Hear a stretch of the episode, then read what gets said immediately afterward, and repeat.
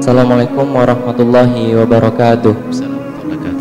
Buya, semoga Buya dan keluarga serta kami semua selalu di dalam lindungan Allah Subhanahu wa taala. Saya mohon penjelasannya Buya, bagaimana kalau kita merasa tidak berhak untuk menerima zakat tetapi orang lain tetap memberi kita zakat? Lalu apa yang kita harus kita lakukan Buya? Mohon penjelasannya. Terima kasih. Assalamualaikum warahmatullahi wabarakatuh. Jika Anda bukan orang yang berhak menerima zakat sesuai dengan pemahaman dan keyakinan Anda, maka Anda tidak boleh menerima zakat. Tidak boleh berpura-pura nerima lalu dikasihkan ke orang lain. Karena Anda harus mendidik orang. Contoh, Ustadz tidak berhak menerima zakat. Jangan atas nama fisabilillah lalu Ustadz menerima zakat.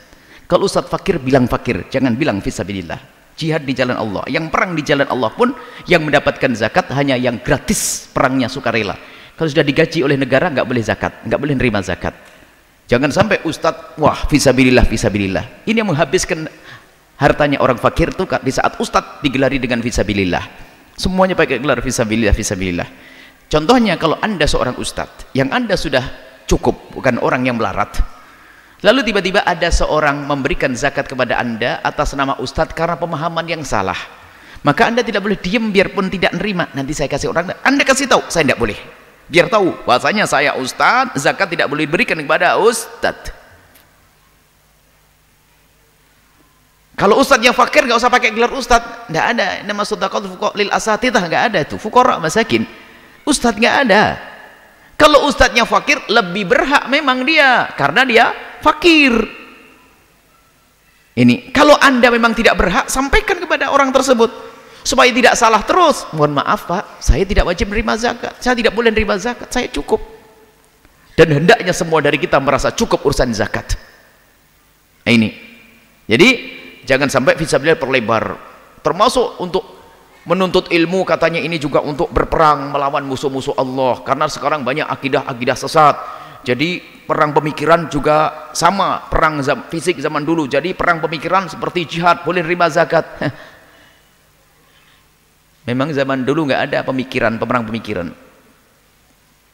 Perseteruan antara Mu'tazilah dengan Asy'ariyah itu lebih dahsyat lagi itu. Punya negara gede Daulah Abbasiyah 800 tahun dikuasai oleh kaum Mu'tazilah. Tapi ulama tidak berfatwa memperkenankan zakat untuk para pelajar agar apa? agar bisa mengalahkan kaum Mu'tazilah. Nggak ada. Lebih dahsyat dulu. Sekarang mana? Nggak sedahsyat zaman itu. Mereka pemikiran membuat buku mengarang. Sudahlah pokoknya sudah ada. Jangan rakus dengan harta orang fakir. Jadi kalau memang anda memang tidak berhak menerima zakat anda harus terang-terang. Sebutkan ke orang agar memberikan ilmu kepada orang agar tahu. Ustaz tidak boleh menerima zakat. Karena bukan bukan asnaf tamaniyah dan kalau ada orang mengirim harus kasih tahu. Dan katmu sering, sering ngomong yang menjadi permasalahan ada. Tidak tahu memang di sebagian kampung ini sudah sebagian masyarakat sudah umum.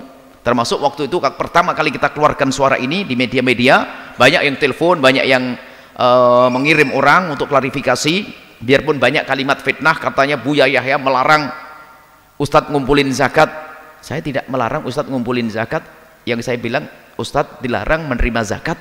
Dirubah kalimatnya untuk fitnah ngumpulin zakat ini sama katanya Buya tidak boleh masjid ngumpulin zakat. Ada fitnah lagi? Tidak. Saya tidak mengatakan masjid tidak boleh ngumpulin zakat. Masjid tidak boleh dibangun dari zakat. Itu yang kami sampaikan berdasarkan fatwa para ulama.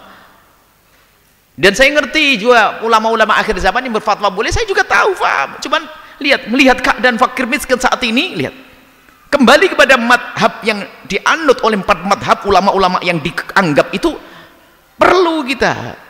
Jangan main-main urusan orang fakir anda memang tidak merasakan fakir, makanya saya enak sendiri membagi zakat ke sana kemari. Coba giliran Anda yang fakir, bingung Anda.